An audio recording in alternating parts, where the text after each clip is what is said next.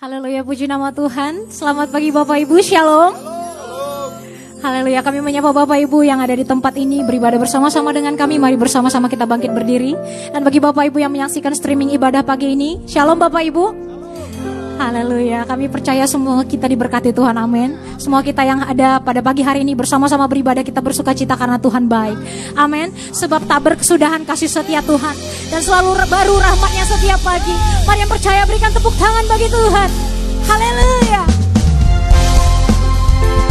Bersama kami datang di hadapan Tuhan pagi ini. Mari bersama kita nyanyikan dengan hati bersyukur memasuki hadiratmu Membawa pujian bagimu Yesus. Ku memandang wajahmu bersuka di depan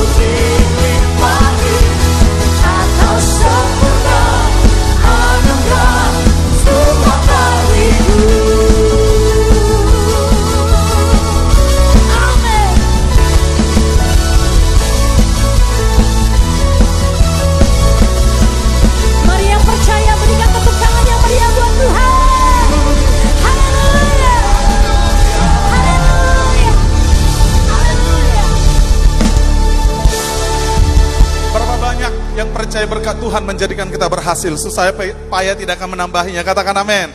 Mungkin ada suami atau istri Anda di samping Anda, Bapak Ibu katakan Tuhan memberkatimu.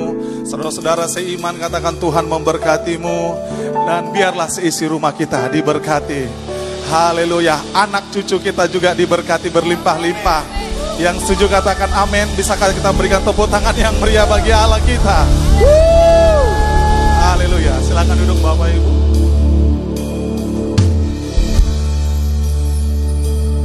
Kami memanggil Engkau Bapa. Bapak yang baik.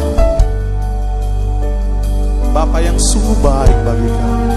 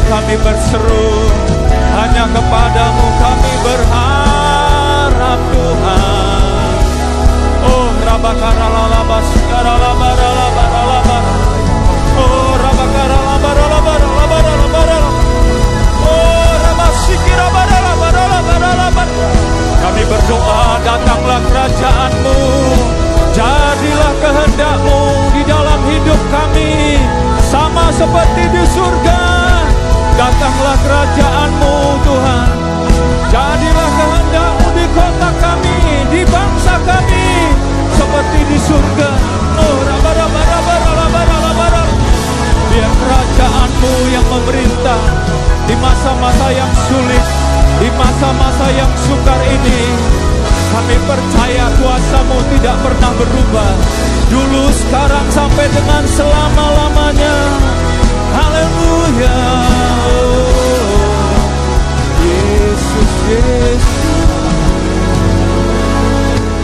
Oh, Sebelum kami memulai pelayanan kami sepanjang satu minggu ini aktivitas pekerjaan pelayanan yang Tuhan percayakan bagi setiap kami. Kami berdoa, mari Tuhan, Engkau Allah yang menguduskan setiap kami. Engkau Allah yang menyucikan setiap kami. Tahirkan kami dari setiap kesalahan, pelanggaran ataupun dosa-dosa kami. Sehingga kami dengan posisi yang benar, hidup kudus di hadapan-Mu, boleh melayani Tuhan dan pekerjaan. Bahkan aktivitas kami sepanjang hari dan minggu ini kami lakukan dan itu boleh menyenangkan hatimu ya Tuhan. Tidak lupa juga kami berdoa buat bangsa kami, buat negeri kami. Masa-masa sulit, masa-masa sukar yang masih dihadapi oleh bangsa kami. Terutama paparan COVID daripada COVID-19 ya Tuhan. Kami berdoa buat saudara-saudara kami yang terinfeksi, yang terpapar, yang ada di rumah sakit, di rumah sakit, maupun yang ada melakukan isolasi mandiri. Mari Tuhan kami berdoa, biarlah Tuhan memberikan mereka kesempatan. Kami berdoa buat kesembuhan mereka di dalam nama Tuhan Yesus. Dalam nama Tuhan Yesus, kami tahu bilur-bilurmu sanggup menyembuhkan segala kelemahan ataupun sakit penyakit ya Tuhan. Pulihkan Tuhan, pulihkan bangsa kami dari pandemi, dari krisis kesehatan. Demikian juga dari sisi ekonomi kami berdoa ya Tuhan. Berkatmu ya Tuhan. Buat pemulihan ekonomi yang ada di negeri kami ya Tuhan. Kami berdoa, kami melepaskan berkatmu. Kami berdoa biarlah hari demi hari, minggu demi minggu, bulan demi bulan. Kondisi perekonomian bangsa kami semakin pulih, semakin bangkit dari keterpurukan. Dan kami akan melihat mukjizat Tuhan terjadi, mukjizat Tuhan bekerja di dalam nama Yesus, dalam nama Yesus. Oh, rabakara labara labara labara. Oh, rabatakara labara labara. Kami berdoa buat pemimpin-pemimpin yang ada di bangsa kami.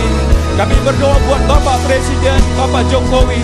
Demikian juga wakilnya Bapak Ma'ruf Amin. Seluruh menteri, pejabat pusat hingga ke daerah. Kami berdoa berikan hikmat, berikan kebijaksanaan bagi mereka. Sehingga mereka boleh menemukan solusi. Mereka boleh menemukan jalan keluar dari krisis yang ada. Dari sisi ekonomi maupun kesehatan ya Tuhan. Oh. Berikan sinergi, kesatuan hati antara pemerintahan pusat dengan pemerintahan daerah. Kami berdoa buat gubernur Sumatera Utara maupun wakilnya. Demikian juga wali kota Medan hingga wakilnya. Bahkan aparatur yang terendah. Kami tahu hati raja seperti batang air dalam tanganmu. Tuhan akan mengarahkan ke mana Tuhan inginkan. Dan kami yakin kami percaya Engkau Tuhan yang memakai para pemimpin-pemimpin bangsa kami Untuk membawa bangsa ini keluar dari krisis yang ada Menuju masyarakat adil dan makmur Boleh tercapai, boleh digenapi Dalam nama Yesus Oh Oh kami juga berdoa bagi seluruh aparatur keamanan. Baik itu TNI dan Polri ya Tuhan. Bahkan kami berdoa bagi seluruh lembaga legislatif, yudikatif maupun eksekutif ya Tuhan. Mari pakai, pakai para pemimpin-pemimpin kami ya Tuhan. Pada masa-masa ini ya Tuhan. Berkati mereka, limpahi mereka dengan kesehatan, limpahi mereka dengan kekuatan. Kami juga berdoa buat sidang jemaatmu di mana pun mereka berada ya Tuhan. Mari berkati hamba-hambamu. Berkati orang-orang kudusmu.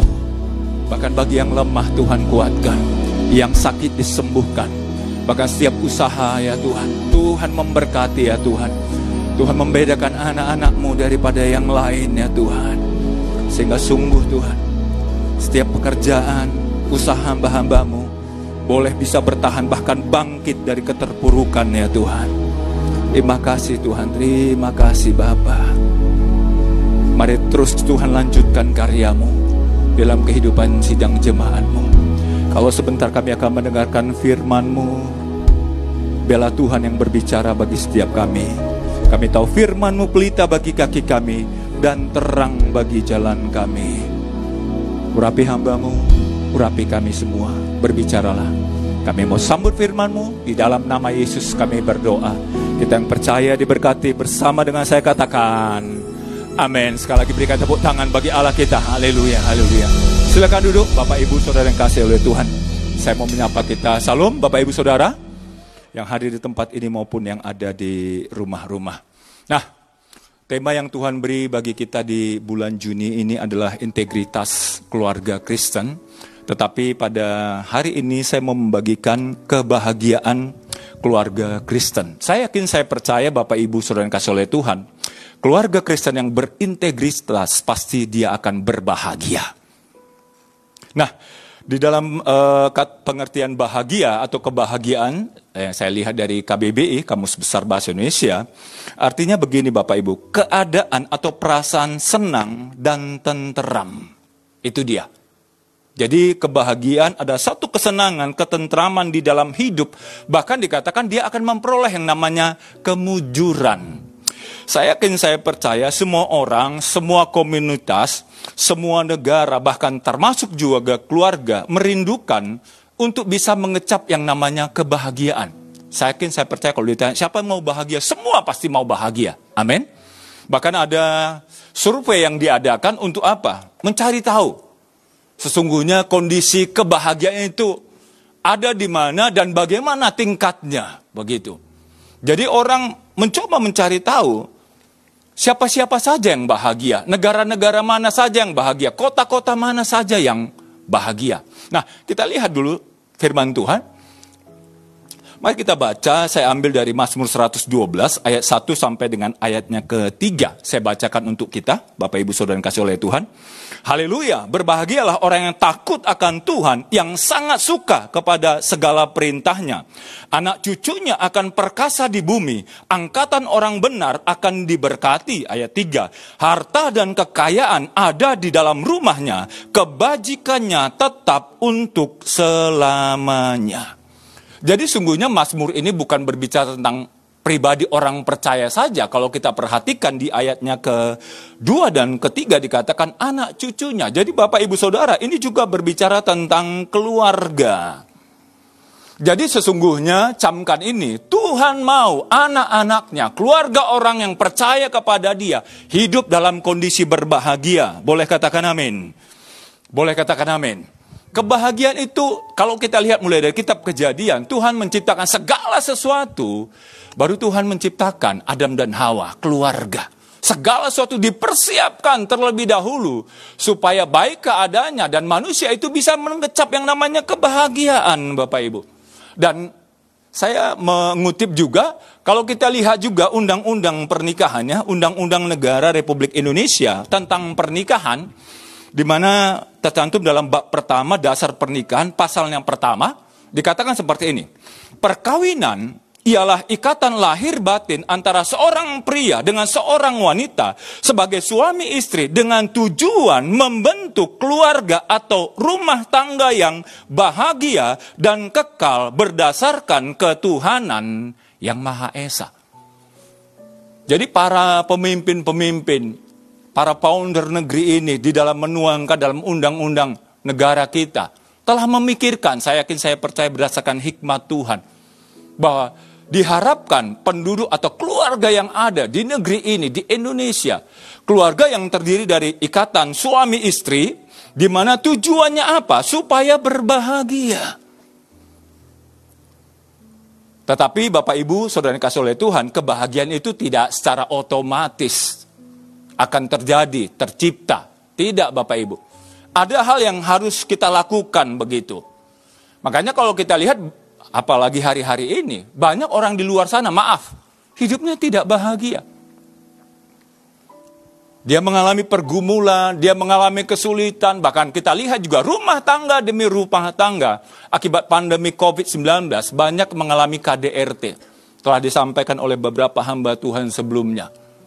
Jadi kadangkala kesulitan membuat rumah tangga itu mengalami goncangan. Nah, Bagaimana caranya? Di dalam Mazmur 112 ini, supaya kita memiliki keluarga atau rumah tangga yang bisa berbahagia. Nah yang pertama Bapak Ibu, Di dalam Mazmur 112 ayat yang pertama dikatakan begini. Haleluya. Berbahagialah orang yang takut akan Tuhan, yang sangat suka kepada segala perintahnya. Ternyata kita bisa memperoleh kebahagiaan kalau apa? Hidup kita hidup dalam relasi yang benar, hubungan yang benar.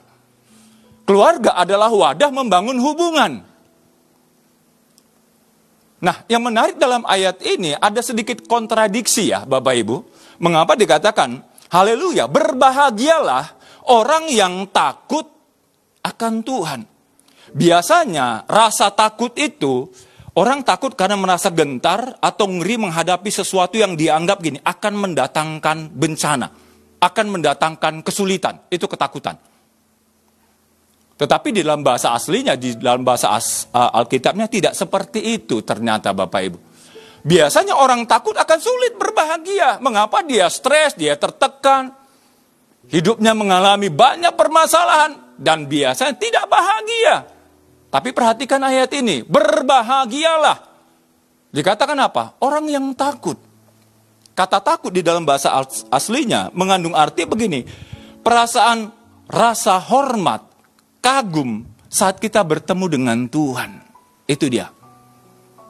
Jadi seorang pribadi, keluarga yang membangun relasi yang benar dengan Tuhan, setiap hari membangun mesbah di dalam keluarganya, rumah tangganya, senantiasa menghadirkan Tuhan di dalam keluarga, rumah tangga, usaha, pekerjaannya. Saya yakin saya percaya dia akan berbahagia. Takut akan Tuhan, maka di dalam ayat ini dikatakan, maka orang itu akan suka dengan segala perintahnya.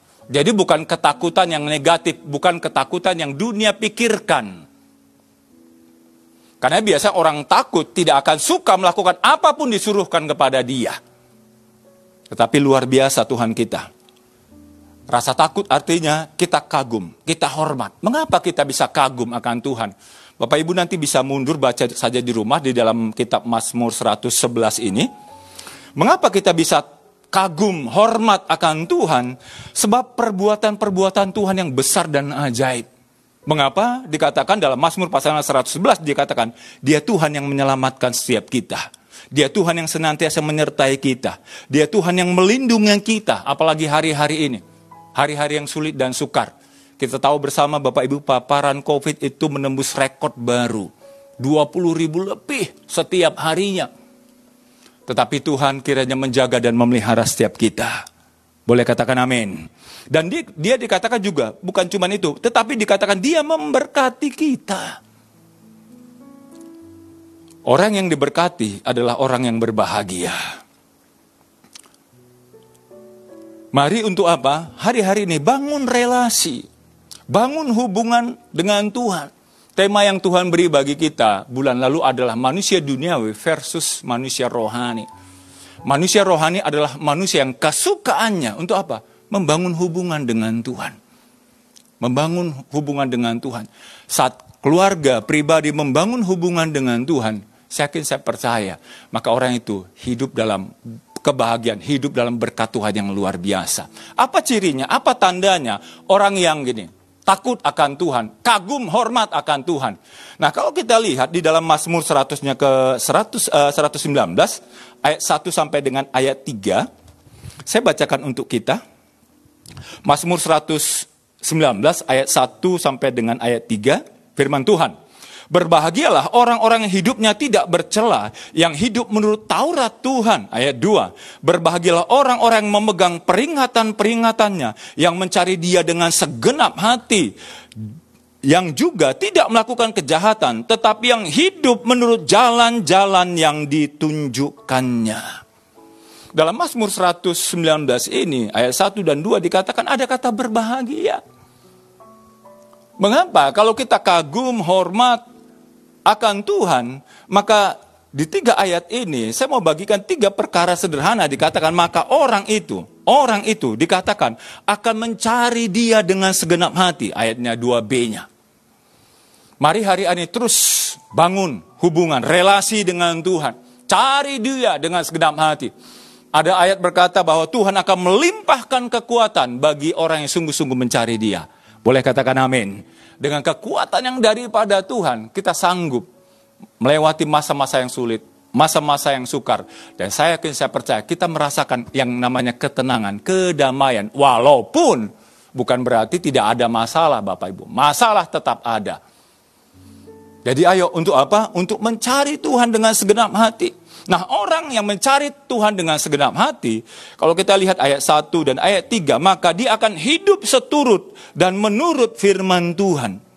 Di dalam Mazmur 119 ayat pertama dikatakan, hidupnya, ah, yang hidup menurut Taurat Tuhan. Ayat 2, yang memegang peringatan-peringatannya. Dia akan berupaya hidup seperti yang Tuhan mau. Perintah-perintah Tuhan dia lakukan dengan kesukaan. Karena dia tahu selalu perintah Tuhan selalu mendatangkan berkat. Jadi berkat kita akan terima kalau kita setia untuk apa? Melakukan perintah Tuhan, ketetapan Tuhan, jalan-jalan Tuhan. Sehingga di dalam Mazmur pasal 119 itu dikatakan hidup orang itu tidak bercela, tidak melakukan yang jahat Hari-hari ini kesulitan, masalah membuat orang mengambil jalan pintas. Melakukan apa yang tidak berkenan, bahkan dikatakan melanggar hukum. Biarlah orang yang takut akan Tuhan, orang yang kagum akan Tuhan. Maka dia senantiasa mau melakukan apa yang menjadi kehendak Tuhan. Dia membangun hubungan dengan Tuhan. Dan saya yakin percaya setiap kita pasti akan diberkati. Katakan amin mataku tertuju padamu. Sedap hidupku ku serahkan padamu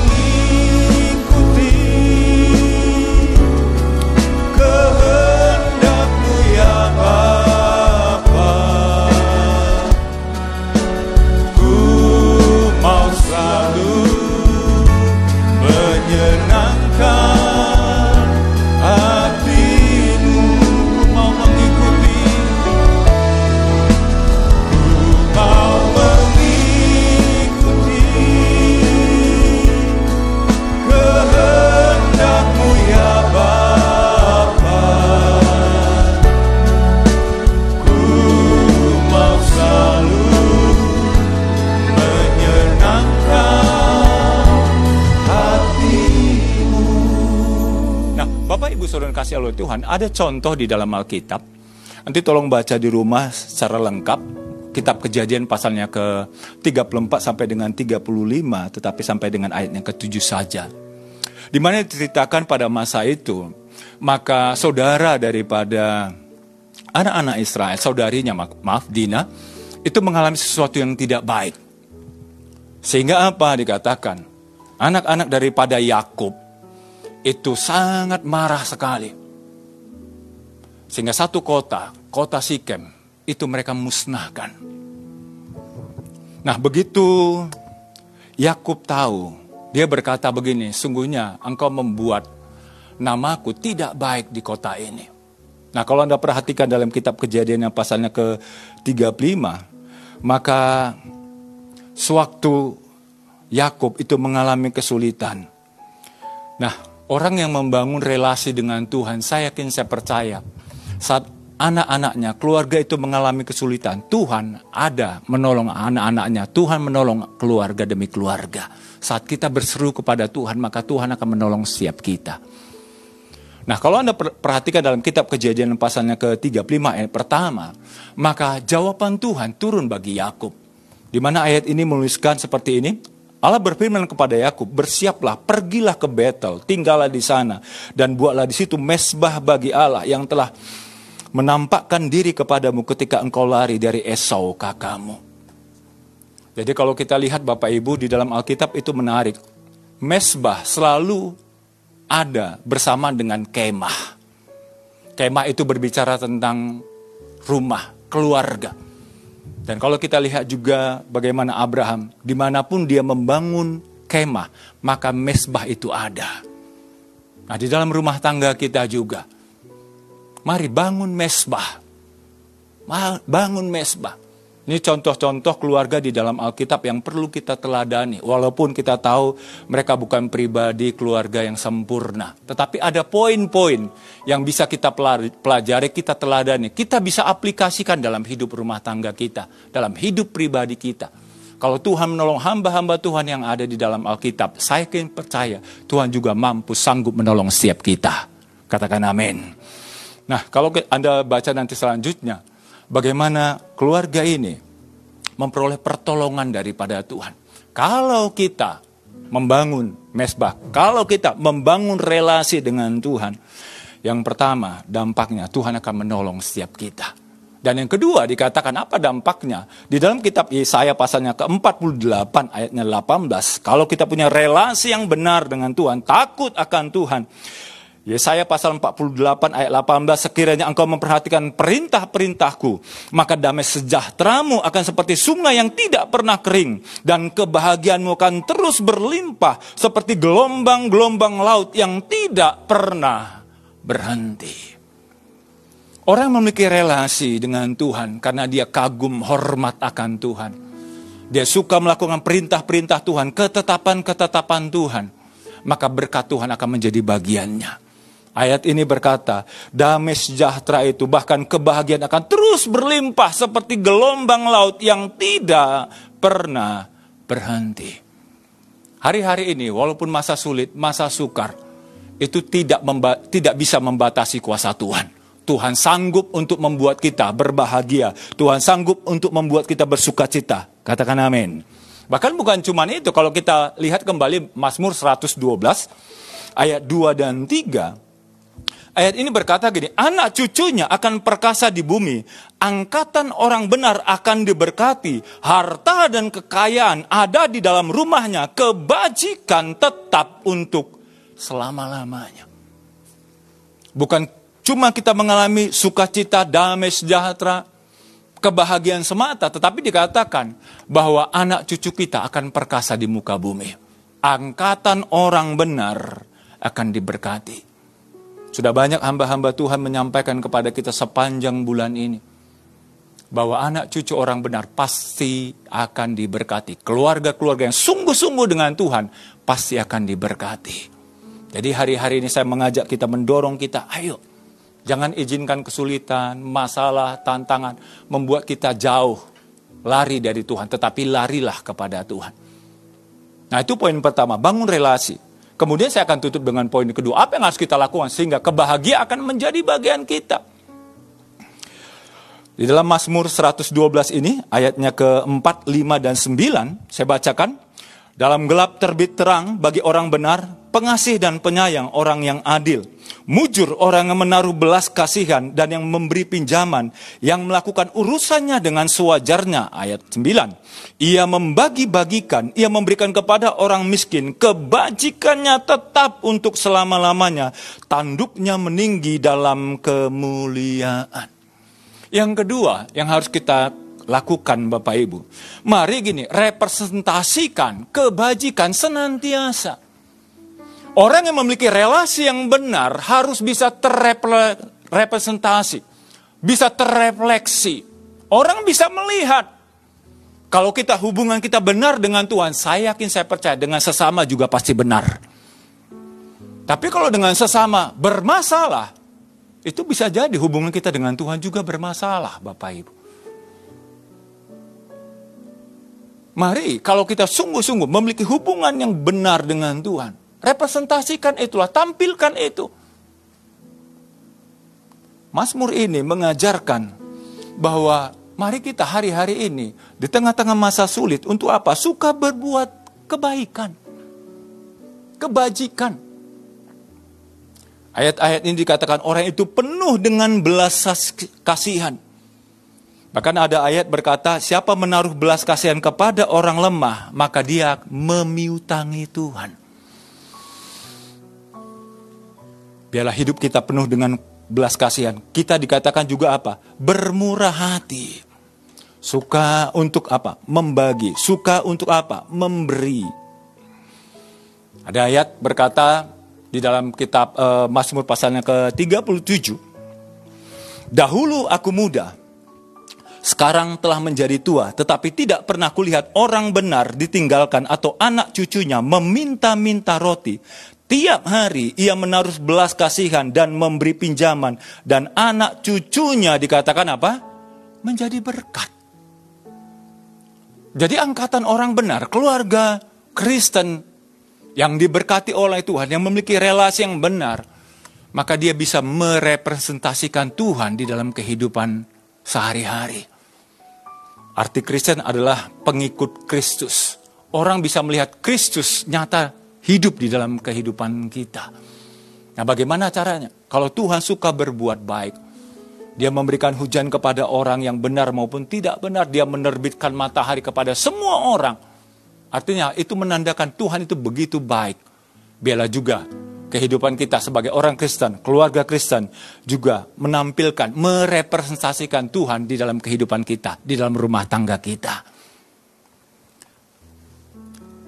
Kalau itu terjadi Bapak Ibu ada ayat juga berkata begini dalam Galatia pasalnya ke-6 ayat 9 dan 10. Ayat ini menuliskan, janganlah kita jemu-jemu berbuat baik karena apabila sudah datang waktunya kita akan menuai. Jika kita tidak menjadi lemah, karena itu selama masih ada kesempatan bagi kita, marilah kita berbuat baik kepada semua orang, tetapi terutama kepada saudara-saudara seiman. Selagi masih ada kesempatan, mari berbuat baik, representasikan Tuhan di dalam keluarga kita, bagi lingkungan kita, bagi masyarakat kita. Biarlah kita menjadi garam dan terang. Saat orang melihat terang kita bercahaya, maka mereka akan memuliakan Bapa kita yang ada di surga. Nah, saya akan tutup dengan slide yang terakhir. Nah, ini ada contoh di dalam uh, perjanjian baru, kisah para rasul. Kisah para rasul 2, ayatnya ke saya mulai dari ayat 44 dulu dan semua orang yang telah menjadi percaya tetap bersatu dan segala kepunyaan mereka adalah kepunyaan bersama Ayat 45, dan selalu ada dari mereka yang menjual harta miliknya, lalu membagi-bagikannya kepada semua orang sesuai dengan keperluan masing-masing. Ayat 46, dengan bertekun dan dengan sehati mereka berkumpul tiap-tiap hari dalam bait Allah. Mereka memecahkan roti di rumah masing-masing secara bergilir dan makan bersama-sama dengan gembira dan dengan tulus hati. Ayat 47. Sambil memuji Allah dan mereka disukai semua orang dan tiap-tiap hari Tuhan menambah jumlah mereka dengan orang yang diselamatkan. Ayat ini merupakan saya saya percaya kerinduan kita semua, kerinduan para gembala. Tiap-tiap hari ada orang yang diselamatkan. Mengapa dikatakan tiap-tiap hari? Sebab gereja mula-mula, keluarga Kristen mula-mula itu berkumpul tiap-tiap hari di rumah dan di rumah ibadat. Apa yang mereka lakukan? Mereka berbuat kebajikan. Ada saja mereka menjual harta miliknya dan membagi-bagikan kepada orang yang membutuhkan. Seperti saya katakan tadi Bapak Ibu Saudara, di luar sana ada begitu banyak orang yang membutuhkan. Bukan hanya bicara tentang materi saja. Tetapi juga berbicara tentang perhatian kita, waktu kita, doa kita. Mari representasikan Tuhan dalam keluarga kita. Dengan apa? Peduli terhadap tetangga kita. Saat kita lakukan itu, biarlah kisah Rasul 2 44 sampai dengan 47 itu bisa digenapi. Kita akan melihat gereja-gereja, persekutuan-persekutuan, FA-FA akan dipenuhi dengan jiwa-jiwa dan kita akan melihat nama Tuhan dipermuliakan. Kita berikan tepuk tangan bagi Allah kita. Mari saya jemput kita bangkit berdiri. Mataku tertuju tertuju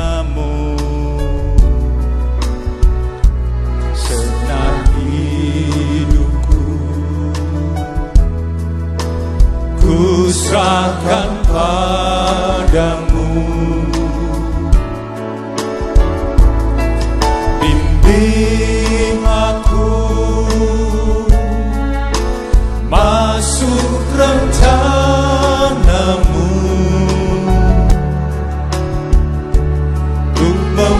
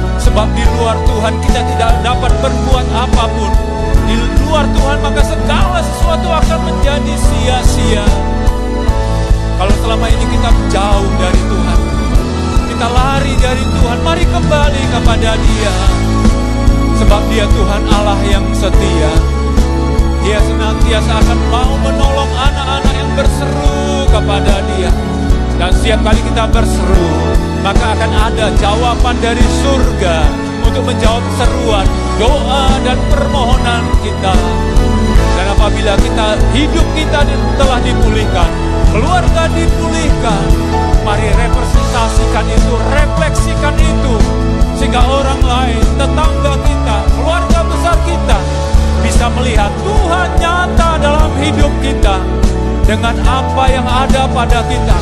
Mari belajar untuk memberi Sebab Alkitab berkata lebih bahagia memberi daripada menerima. Oh rabata karalaba sikaralaba Tuhan tuntun kami Tuhan bawa kami lebih lagi hari-hari ini untuk mengenalmu dan bawa kami untuk menampilkan Engkau bagi lingkungan kami, bagi daerah kami, bagi kota kami, bagi bangsa kami ya Tuhan. Terima kasih Tuhan, terima kasih. Sekali lagi berkati sidang jemaatmu yang ada di mana pun mereka berada ya Tuhan. Di dalam pekerjaan mereka, di dalam perjalanan mereka. Kami juga berdoa buat para pemimpin-pemimpin rohani kami. Kami berdoa buat pembina kami Bapak Pendeta Dr. Insinyur Niko Noto Raharjo beserta keluarga bahkan para wakilnya demikian juga gembala pembina kami yang ada di keluarga besar Medan Plaza Bapak Pendeta R. Bambang Yonan Ibu Santi Alfred dan Tiffany Gembala sidang yang kami kasih Bapak Pendeta Daniel Adi Prayitno Ibu Intan Melsa dan Yehuda Bahkan seluruh gembala-gembala yang ada? Mari Tuhan pakai mereka. Nyatakan tuntunanmu isi hatimu. Pakai para pemimpin-pemimpin rohani kami. Lebih heran lagi ya Tuhan. Kami juga berdoa buat penyelesaian pembangunan rumahmu yang ada di tempat ini ya Tuhan. Kami yakin kami percaya jika Tuhan telah memulai, Tuhan akan menyelesaikannya sampai pada akhirnya. Kami akan melihat rumahmu yang ada di rumah persembahan ini akan selesai tepat pada waktunya. Di dalam nama Yesus, dalam nama Tuhan Yesus. Berkatmu bagi para donatur.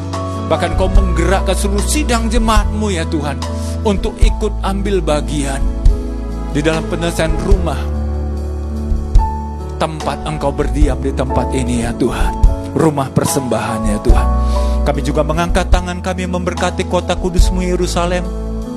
Salom Yerusalem Biarlah kesejahteraan ada lingkungan tembokmu Sentosa ada dalam lingkungan purimu. Diberkatilah bangsa pilihanmu Israel ya Tuhan. Dan kami yakin percaya Barang siapa memberkati bangsa pilihanmu Maka engkau akan memberkati. Setiap kami pasti diberkati. Terima kasih Tuhan Kalau kami akan mengakhiri ibadah doa puasa kami pada hari ini Dan melanjutkan aktivitas kami. Sekali lagi sertai kami Lindungi kami Jagai kami Percayakan terus kesehatan kekuatan baru ya Tuhan. Dan sebelum kami mengakhirinya Bukakan tingkap surgamu Curahkan berkatmu bagi setiap kami. Bapak Ibu saudara kasih oleh Tuhan Di mana pun Anda berada Arahkan hati, angkat tangan wajah ke surga Terimalah. Anugerah damai sejahtera yang berlimpah-limpah dari Allah Bapa. Kasih sayang sempurna ada putra yang tunggal Tuhan kita Yesus Kristus persekutuan yang manis dengan roh kudus yang menyertai Bapak Ibu Saudara. Hari ini, esok Maranatha bahkan sampai selama-lamanya yang percaya diberkati bersama-sama kita katakan amin. Tuhan Yesus memberkati